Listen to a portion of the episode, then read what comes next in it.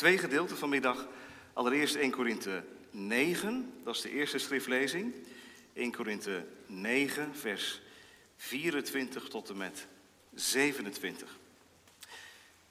Paulus gebruikt daar het beeld uit de sportwereld.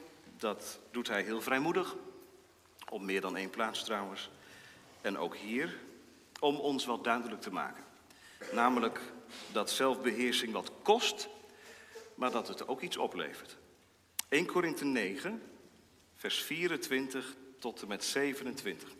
Weet u niet dat zij die in de renbaan lopen, allen wel lopen, maar dat slechts één de prijs ontvangt? Loop dan zo dat u die verkrijgt. En iedereen die aan een wedstrijd deelneemt, beheerst zich in alles. Zij nu doen dat om een vergankelijke krans te ontvangen, maar wij om een onvergankelijke te ontvangen. Ik loop daarom niet zonder duidelijk doel. En ik vecht zo met de vuist dat ik niet maar wat in de lucht sla. Maar ik oefen mijn lichaam op harde wijze en maak het dienstbaar, opdat ik niet misschien na andere gepredikt te hebben zelf verwerpelijk word. Ik had ook opgegeven Titus 2, die hebben we al gelezen aan de tafel. Dus ik stel voor om nu te lezen nog Galaten 5. Om even de context nog een keer scherp te krijgen van de vrucht van de geest. Galaten 5, vers 13 tot het einde. Galaten 5, vers 13 tot het einde. Daar schrijft Paulus. Broeders, u bent tot vrijheid geroepen, alleen niet tot die vrijheid die aanleiding geeft aan het vlees, maar dien elkaar door de liefde, want de hele wet wordt in één woord vervuld, namelijk hierin. U zult uw naaste lief hebben als uzelf. Maar als u elkaar bijt en verslindt, pas dan op dat u niet door elkaar verteerd wordt. Maar ik zeg, wandel door de geest en u zult zeker de begeerte van het vlees niet volbrengen. Want het vlees begeert tegen de geest in en de geest tegen het vlees in. En die staan tegenover elkaar, zodat u niet doet wat u zou willen. Als u echter door de geest geleid wordt, bent u niet onder de wet. Het is bekend wat de werken van het vlees zijn, namelijk overspel, hoererij, onreinheid, losbandigheid, afgoderij, toverij, vijandschappen, ruzie, afgunst, woedeuitbarstingen, egoïsme, oneenigheid, afwijkingen in de leer, jaloersheid, moord, dronkenschap, zwelgpartijen en dergelijke, waarvan ik u voor zeg, zoals ik ook al eerder gezegd heb, dat wie zulke dingen doen, het koninkrijk van God niet zullen beërven. De vrucht van de geest is echter liefde, blijdschap, vrede, geduld, vriendelijkheid, goedheid, geloof, zachtmoedigheid, zelfbeheersing. Daartegen richt de wet zich niet. Maar wie van Christus zijn, hebben het vlees met zijn hartstochten en begeerten gekruisigd. Als wij door de geest leven, laten wij dan ook door de geest wandelen. Laten wij geen mensen met eigendunk worden, elkaar niet uitdagen en benijden. Tot zover de lezing. Het laatste aspect, en daarmee ook de afronding van de prekenserie over de vrucht van de geest. Zelfbeheersing. Boven de preek staat geschreven bezonnen leven. En dat woord komt uit Titus, om heel eerlijk te zijn. Want daar staat ook een woord wat je met zelfbeheersing zou kunnen vertalen. Maar wordt, wordt daar met bezonnen vertaald. Bezonnen leven, ja, wat is dat dan? Nou, dat is dat je jezelf weet te beheersen. Bezonnen leven. Dat betekent twee dingen. Allereerst toewijding aan Christus en in de tweede plaats kruisiging van jezelf. Dus toewijding aan Christus en kruisiging van jezelf. Je zou kunnen zeggen een positief aspect en een negatief aspect. En dat is eigenlijk het leven met de Heer altijd. Hè? Er zit een, een positieve kant aan en, om zo te zeggen, een negatieve kant. Het is sterven en opstaan in één. Allereerst dus, toewijding aan Christus. Gemeente hier en thuis zelfbeheersing. Of zoals de Statenvertaling het eerder vertaalde, matigheid. Nou, dat woord gebruiken wij nog wel eens, maar het wordt ook wel in andere contexten gebruikt. Daarom is de vertaling zelfbeheersing, denk ik, heel goed. Wat staat er eigenlijk in het Grieks? Er staat een woord, ik noem het maar even, krateia. Dat mag u verder vergeten, maar als u maar dit onthoudt, het komt van ego, ech, ego. En krateia, dat is macht. Vrij vertaald, de macht om je ego onder bedwang te houden, onder controle te hebben. Kinderen, dat onderscheidt ons van dieren. Die hebben dat namelijk over het algemeen niet of veel minder. Dieren worden gedreven door instincten, door impulsen. Die schamen zich niet, omdat ze geen schaamtebesef hebben. Tenminste, over het algemeen niet. Wij mensen hebben dat natuurlijk wel. Hè? Wij zijn heel braaf en beleefd als er mensen in onze omgeving zijn. Maar wie zegt dat wij achter de voordeur ook zo braaf en beleefd zijn? wij passen ons heel makkelijk aan. Hè? We kunnen in contexten bijkleuren, zodat mensen van ons zeggen: Nou, dat is een hele voorkomende persoon. Beleefd en uh, heel bezonnen. Maar hoe vaak is het niet voorgekomen dat het bleek een dubbelhartig iemand te zijn, die achter de voordeur of in zijn privéleven onbeheerst leefde, zijn ego volkomen liet gaan, zich uitleefde. Voor de bühne een man om door een ringetje te halen, maar aan de achterkant een leven wat aan elkaar hangt van begeerten, om dat woord maar te gebruiken. Laten we ons niet vergissen, gemeente. Dit is niet alleen een stukje karakter. Dat we zeggen van ja, de een is nou wat beheerster dan de ander. Je hebt mensen die heel impulsief zijn, extravert. En dat zijn mensen die ook last hebben om zich, lastig vinden om zichzelf te beheersen. Dat denken wij. Maar vergissen we, laten we ons niet vergissen, want ook introverte mensen, mensen die niet zo impulsief zijn op het eerste gezicht, hebben ook een gevoelsleven. En dat betekent dat ook introverte mensen zich kunnen bezondigen aan onbeheerstheid. Nou, dat kan natuurlijk op allerlei manieren tot uiting komen. In eten, in uh, besteding van geld, in verslaving. Sterker nog, het schijnt dat zelfs introverte mensen sneller geneigd zijn om verslaafd te raken dan extraverte mensen. Gemeente, wij zijn een vat vol verlangens. Allemaal. En dat is op zich niet verkeerd. Zo heeft de Heer ons gemaakt. Kinderen, dat jullie zo ter wereld gekomen zijn, dat is Gods bedoeling. Je bent geen stok, geen blok. Je bent geen dier, je bent een mens met verlangens, met passies, en misschien heb je die nu al wel, hè? als je vijf jaar bent, zes jaar, heb je een droom, heb je een verlangen om later iets te worden bijvoorbeeld. Of je bent bijna jarig en je wilt iets hebben van je vader en je moeder. Dat is een verlangen wat je uit. Nou, dat is heel mooi. En je vader en je moeder doen natuurlijk aan alles, alles aan om die verlangens wat te, te beheersen, te kanaliseren. Want niet alles wat je wilt kun je zomaar krijgen. Maar het is niet verkeerd, gemeente, dat wij verlangens hebben. Er zijn mensen, en Paulus had daar echt mee te strijden in zijn tijd. Er zijn mensen toen, en ze zijn er ook vandaag nog, die zeggen dat dat verkeerd is. U hebt wel eens gehoord van de Stoïcijnen, denk ik. Paulus had daar geducht mee te stellen in zijn tijd. Met de Stoïcijnen. Zij zeiden er zijn vier kerndeugden.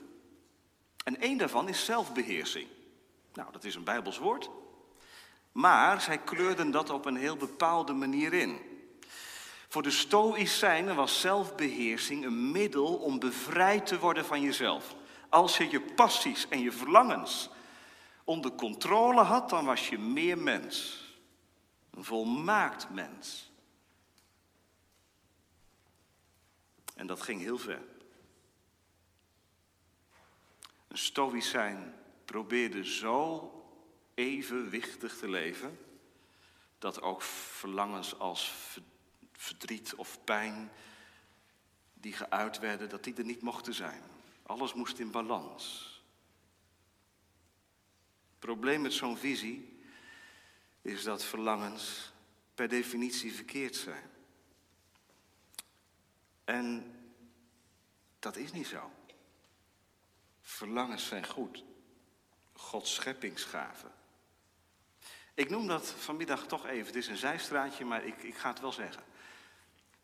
Wij kunnen in de kerk er ook soms een handje van hebben om, om stoïcijns te doen. Wat bedoel ik daarmee? Dat we bij elkaar heel snel de wonden gaan pleisteren. Als wij iemand aantreffen die radeloos is, die heel verdrietig is, die verlangens heeft en die ze uit op een onbeheerste manier, kunnen we zomaar als Eli van een afstandje toekijken en zeggen, nou, nou, nou, Hanna, nou kan het wel weer hoor. U kent die geschiedenis, hè? Hanna die haar verlangens uitgoot voor Gods aangezicht. Onbeheerst zou je zeggen.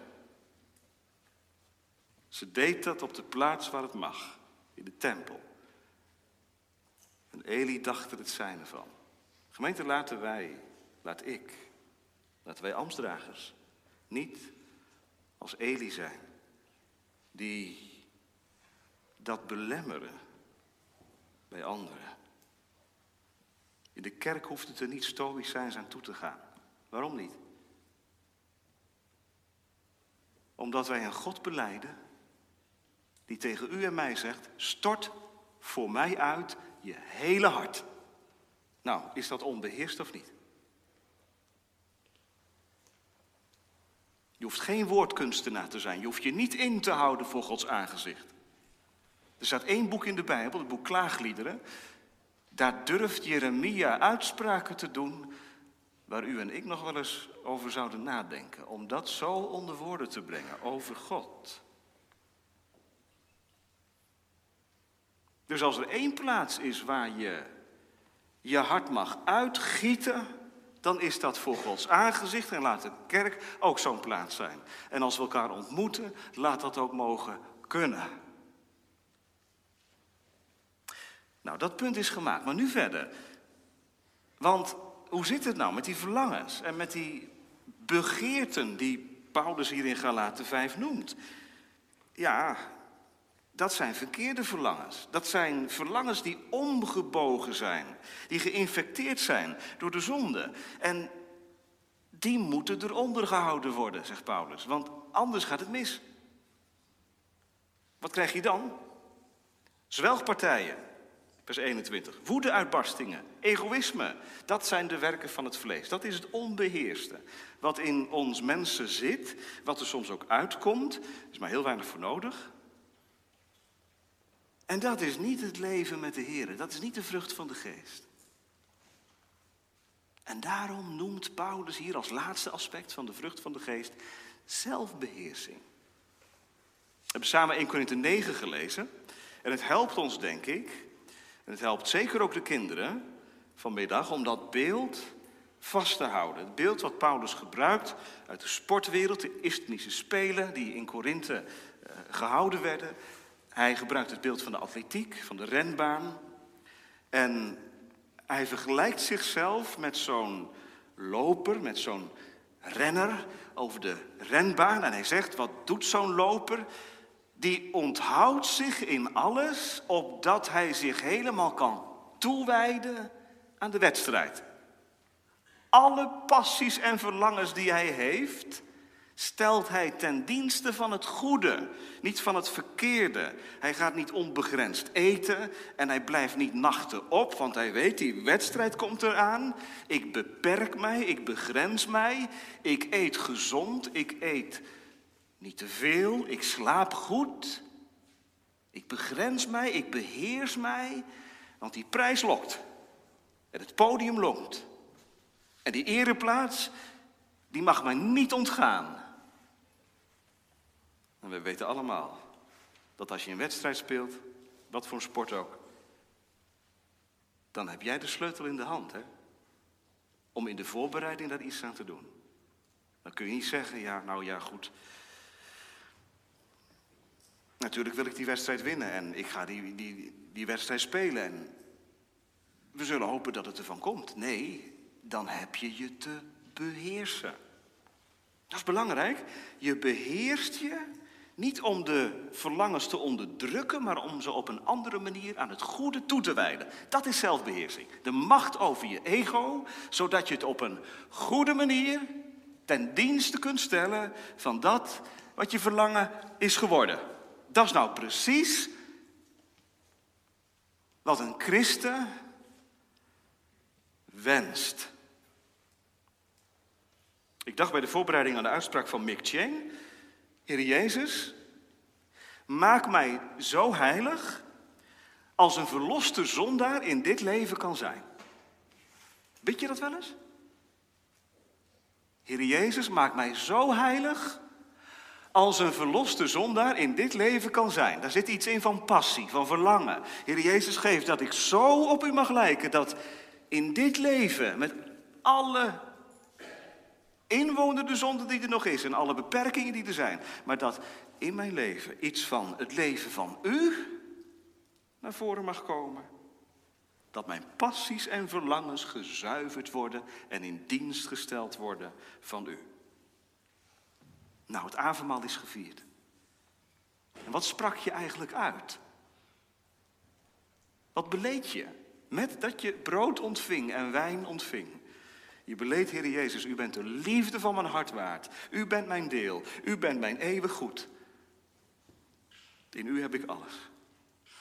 En dat verlangen, dat goede, dat zuivere verlangen, wat je ontvangen hebt, dat wil hij in dienst, dat wil de Heilige Geest in dienst nemen, leidend maken, zodat die onzuivere verlangens waar je nog mee behept bent, en die begeerten die Paulus hier noemt, die er zijn en die er blijven, die blijven sluimeren, dat die niet aan de oppervlakte komen, dat die niet alles beheersend zijn, maar dat dat pure, zuivere verlangen van de toewijding aan Christus alles beheersend zal zijn. Geef dat het mag doorwerken in mijn leven. Dat leert ons de genade, gemeente. Genade wordt goedkoop en plat als dit verlangen er niet meer is. Als wij zeggen, nou ja, avondmaal, uh, genade, uh, werk van de Heer Jezus Christus, Hij heeft voor ons alles gedaan. Nou ja, dat is toch genoeg? We hoeven ons nergens meer zorgen over te maken. Alles is volbracht. De genade van God is verschenen aan alle mensen en leert ons dat wij zelfbeheerst dienen te leven. Anders, zei Bonheuver, is de genade goedkoop geworden. Dan gebruik je genade, maar dan leef je er niet van. Als de Heer Jezus je lief geworden is, ja, dan is dat te merken. In toewijding aan Christus. Wat betekent dat? Dat er een proces op gang is gekomen van allereerst liefde tot de heiland. Ego krateia, de macht je ego te beheersen, die verlangens niet meer leidend te laten zijn, omdat een ander verlangen bepalend is geworden. U, boven alles. U heb ik lief, boven mezelf. We hebben samen gebeden, dat is een heel mooi zinnetje uit het dankgebed, na, het na eh, de bediening van het avondmaal, dat we dagelijks mogen groeien, bad u het mee, dagelijks mogen groeien in de toewijding en navolging van de zaligmaker. Het valt me altijd weer op dat de reformatorische leer heel positief is. Hè? Wordt wel eens wat schampen gedaan over de reformatorische leer, alsof het alleen maar het negatieve zou benadrukken. Nou, moet je horen. Opdat wij dagelijks mogen groeien in de toewijding aan Christus. Dat die zelfbeheersing als vrucht van de geest mag rijpen. Dat, dat ik me als een atleet weet te beheersen. Dat ik bedenk, mijn leven staat in eeuwigheidsperspectief. En ik wil die prijs niet mislopen aan het eind van mijn leven. Leer mij om mijn leven in uw dienst te besteden.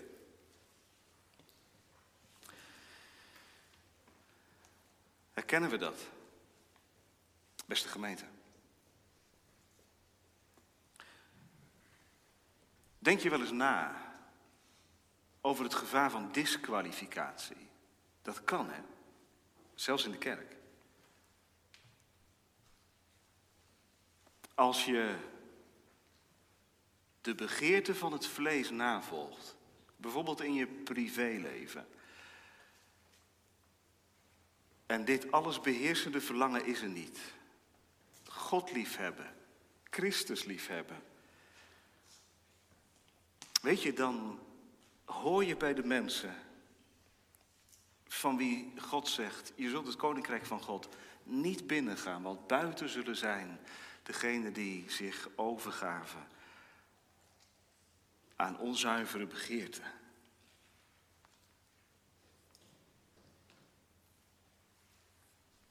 Ja, zegt iemand, maar dat vind ik ook wel een heel pijnlijk uh, punt. Want, om heel eerlijk te zijn, in mijn leven komt ook nog steeds die onzuiverheid zo vaak naar boven. Hier zit iemand die aan het avondmaal is gegaan en die in de achterliggende week onbeheerst is geweest. Niemand weet ervan. Maar ik heb me laten gaan. En dan moet het uitgerekend in de dankzeggingsdienst gaan over zelfbeheersing. Pijnlijk. Ik vroeg God om meer toegewijd te mogen leven naar zijn wet.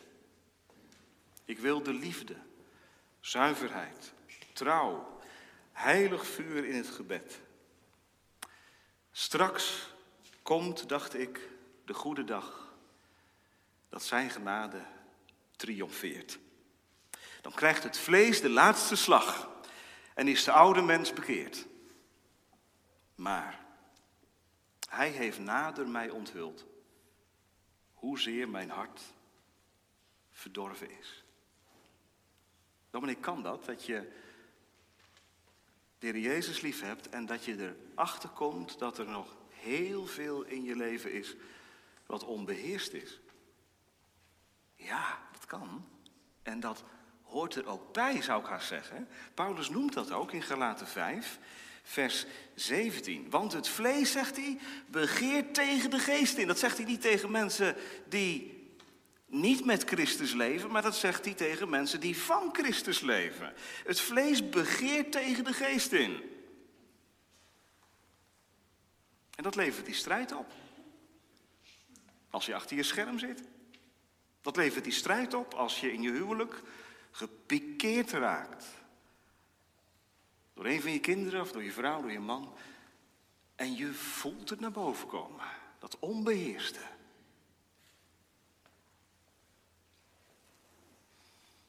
Hebben allemaal, gemeente, de punten in ons leven waar dat onbeheerste eruit komt. Maar wat is nou het verschil met als je van Gods genade leeft, dan is dat je echt een hele pijnlijke, is een hele pijnlijke plek in je leven. Die strijd. Was dat er maar niet. Het gedicht wat ik net aanhaalde, het gedicht van uh, een Puritein, dat gaat verder met strijd is een zegen en geen straf. Ellende kennis maakt je vrij. Het breekt je zelfvertrouwen af, zodat je leven leert uit mij. Jij aan het avondmaal, terwijl je je liet gaan. Nou, dan ga je niet naar huis toe met de gedachte, en nou zal me dat niet meer overkomen. Ik ben zomaar geneigd om dat kwade weer te gehoorzamen. Waarom? Het vlees begeert tegen de geest in. Ja, wat betekent dat dan, zegt iemand? Dat het maar aanmodderen blijft?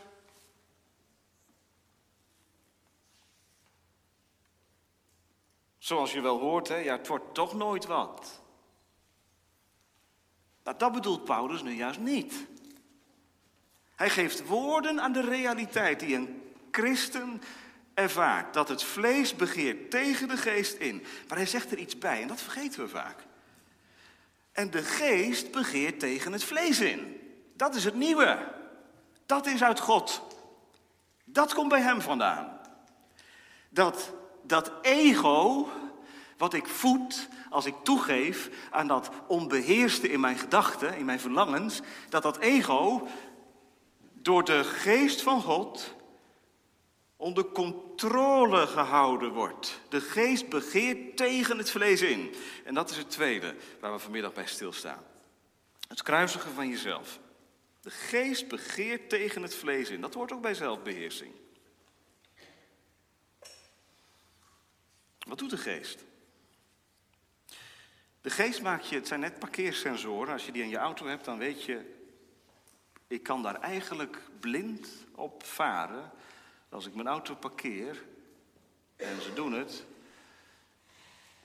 dan weet ik hoe ver ik kan gaan. Wat doet de Heilige Geest? Wat is het werk van de Heilige Geest? Ontdekking aan de zonde, maar ook verdieping in de kennis van jezelf. Dus de Heilige Geest maakt je sensitief voor het verkeerde. Maakt je gevoelig voor het kwade. En niet alleen dat, dat kwade, dat moet ook bestreden worden. Paulus noemt dat kruisigen. Dat is wat anders wat psychologen wel eens zeggen. Je moet een verslaving um, onderdrukken. Of um, je moet zorgen voor afleiding. Nou, dat kan heel erg helpen natuurlijk. Daar wil ik geen kwaad woord van zeggen. Maar de Bijbel gebruikt het woord kruisigen daarvoor. Dat is natuurlijk een heel heftig woord. Kruisigen. Dat is een heel pijnlijk en langzaam proces. Kruisigen is de Bijbelse weg om af te rekenen met dat kwade, dat ego, wat vol boordevol passies en verlangens is. De oude mens die het verkeerde wil. Kruisigen. Nu staan er twee dingen in de context van deze tekst die ik alle twee even wil noemen. Het eerste in vers 24. Wie van Christus zijn, hebben het vlees met zijn hartstochten en begeerten gekruisigd. Definitief. Wie van Christus zijn, hebben dat verkeerde, dat onbeheerste, dat vlees, die oude mens, met zijn hartstochten en begeerten gekruisigd. Maar u weet denk ik ook dat er verderop in de Bijbel staat, namelijk in Colossens 3, dood dan uw leden die op de aarde zijn. Dus het eerste is, je vlees is gekruisigd. En het tweede is, het moet gekruisigd worden. En alle twee is het waar. Je positie is, ik ben met Christus gekruisigd. Dat is waar. Als ik van harte in de Heer Jezus geloof. Dat Hij zijn werk voor mij volbracht heeft. Dan ben ik met Hem gekruisigd en opgestaan, zegt Paulus. Dat is waar. Maar dat betekent niet dat ik achterover kan leunen, want ik heb ook nog een geestelijke conditie. En die conditie die wisselt, die gaat op en neer. Dat komt door dat woelen van die verlangens in mij, dat onbeheerste. En wat wil nou de geest? De vrucht van de geest is zelfbeheersing. De vrucht van de geest wil het goede, de goede verlangens naar boven laten komen. En het kwade, ja, kruisigt de geest dat voor mij? Nee. Dood je leden die op de aarde zijn. Dat is mijn taak. Ik besluit om te kijken. Ik besluit om daar naartoe te gaan. Ik ben toch verantwoordelijk als ik me laat gaan. Ik ben toch degene die de grens overgaat. En die dat onmatige toelaat. Ik bedroef de Heilige Geest. Gemeente, wat een wonder dat het avondmaal bediend wordt midden in deze werkelijkheid. Dat er vanmiddag in de kring geen mensen zaten die die strijd te boven zijn. Tenminste, dat hoop ik niet. Ik kan het me niet voorstellen. Maar dat we allemaal, zoals we uit de hand van de Heere brood en wijn ontvingen, in ons eigen leven erachter komen. De vrucht van de geest bloeit, maar de werken van het vlees, die zijn er ook. En wat wil het avondmaal dan in zo'n werkelijkheid ons bijbrengen?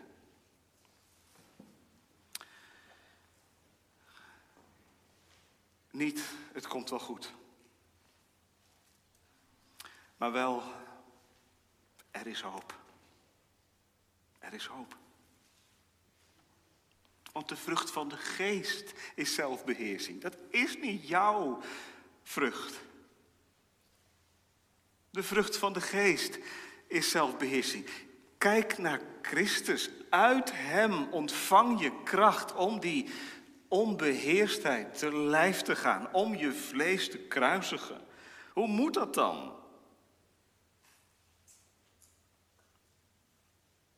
Precies hetzelfde doen als wat u vanmiddag deed. Je hand openen en je leegte laten zien. Dat deed je. En je ontving. Gemeente, dat is het geheim van het leven met de Heer. Oefenen in ontvangen.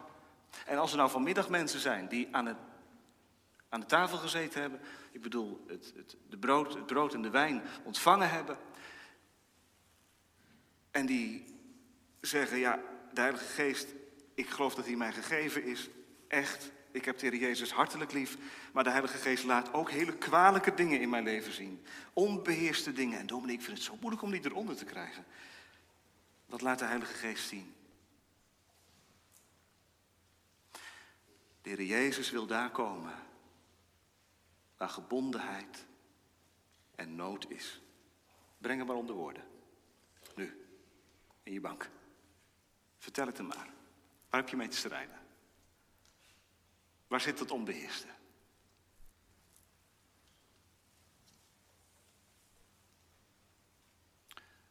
Waarvan weet je dat als ik daar naartoe ga of als ik dat ga kijken, dan gaat het mis. En iedere fase van het leven heeft zijn eigen verleidingen. En het voelt zo goed.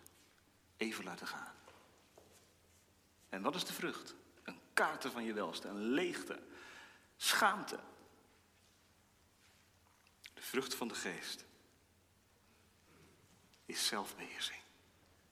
Want wat wil de Heilige Geest laten zien? Wat heeft hij vanmiddag laten zien? Beter dan dit tijdelijke leven met al zijn pareltjes, met al zijn aantrekkingskracht, met al zijn glitter, met al zijn uitdagingen, is uw genade. Weet je het? Weet je nog? Je bent een, een race aan het lopen, hè? een renbaan. Daar ben je op geplaatst. En je loopt het risico om in te zakken. Daarom kwam hij naar je toe vanmiddag. En onderstreepte hij zijn liefde en trouw. Zelfs als ik ontrouw was in de achterliggende week. Kan dat haast niet voorstellen, zegt iemand. Dat, dat God na de zoveelste keer mij nog hebben wil. Ik ben mijn zonde moe en mijn berouw over de zonde. Zo kun je wel eens voelen. Wanneer komt die dag, oh God, dat ik dit achter me laat?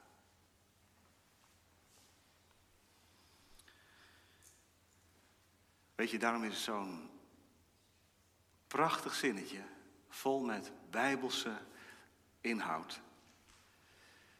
Als ik tot het avondmaal kom,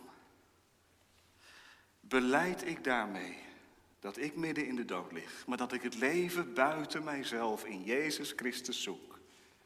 Dat ik dagelijks te strijden heb, dat staat er echt hè. Dagelijks te strijden heb met de verkeerde verlangens van het vlees. En toch, niettemin, ik hoef aan Gods genade niet te twijfelen. Hij zal mij in genade aannemen.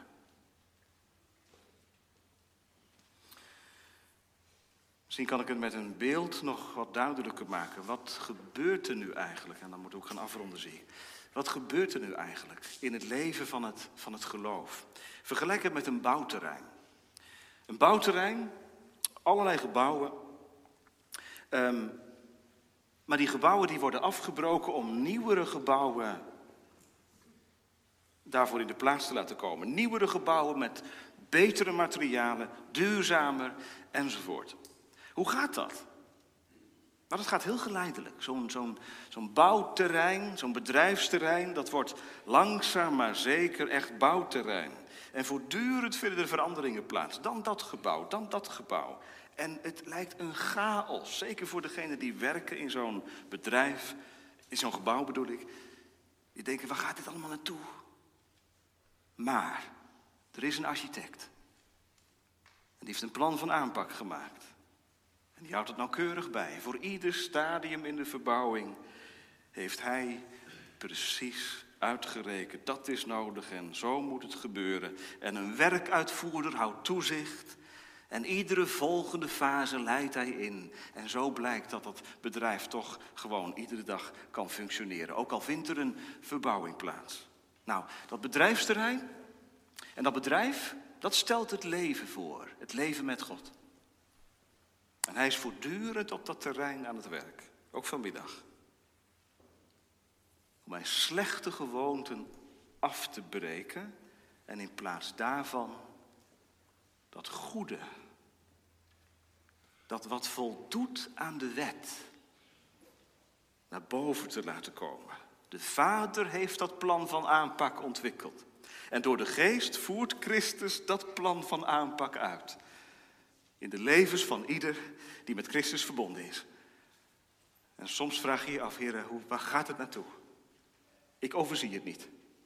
Ik vraag me af wat de bedoeling is van deze fase in mijn leven. Maar het komt goed. Vader weet wat hij doet. En de geest, hij begeert tegen het vlees in. Want hij wil zo graag dat Christus een gestalte in mij krijgt. Gelaten 4, vers 19. Het verlangen van Paulus. Dat Christus een gestalte in je zal krijgen. Dat is de bedoeling van de vrucht van de geest. Dat ik dagelijks groei toewijding aan Christus. Heilige Jezus, vorm mijn leden mijn krachten en begeerlijkheden. Dat aan mij alles op u lijkt. Het oog in het zien, de voet in het wandelen. Dat in mijn denken, spreken en handelen in alles uw beeltenis blijkt. Hervorm vooral, volmaak mijn hart naar uw smaak. Heilige Jezus, o heilig mij, dat ik als gij in u volmaakt en heilig zij. Amen.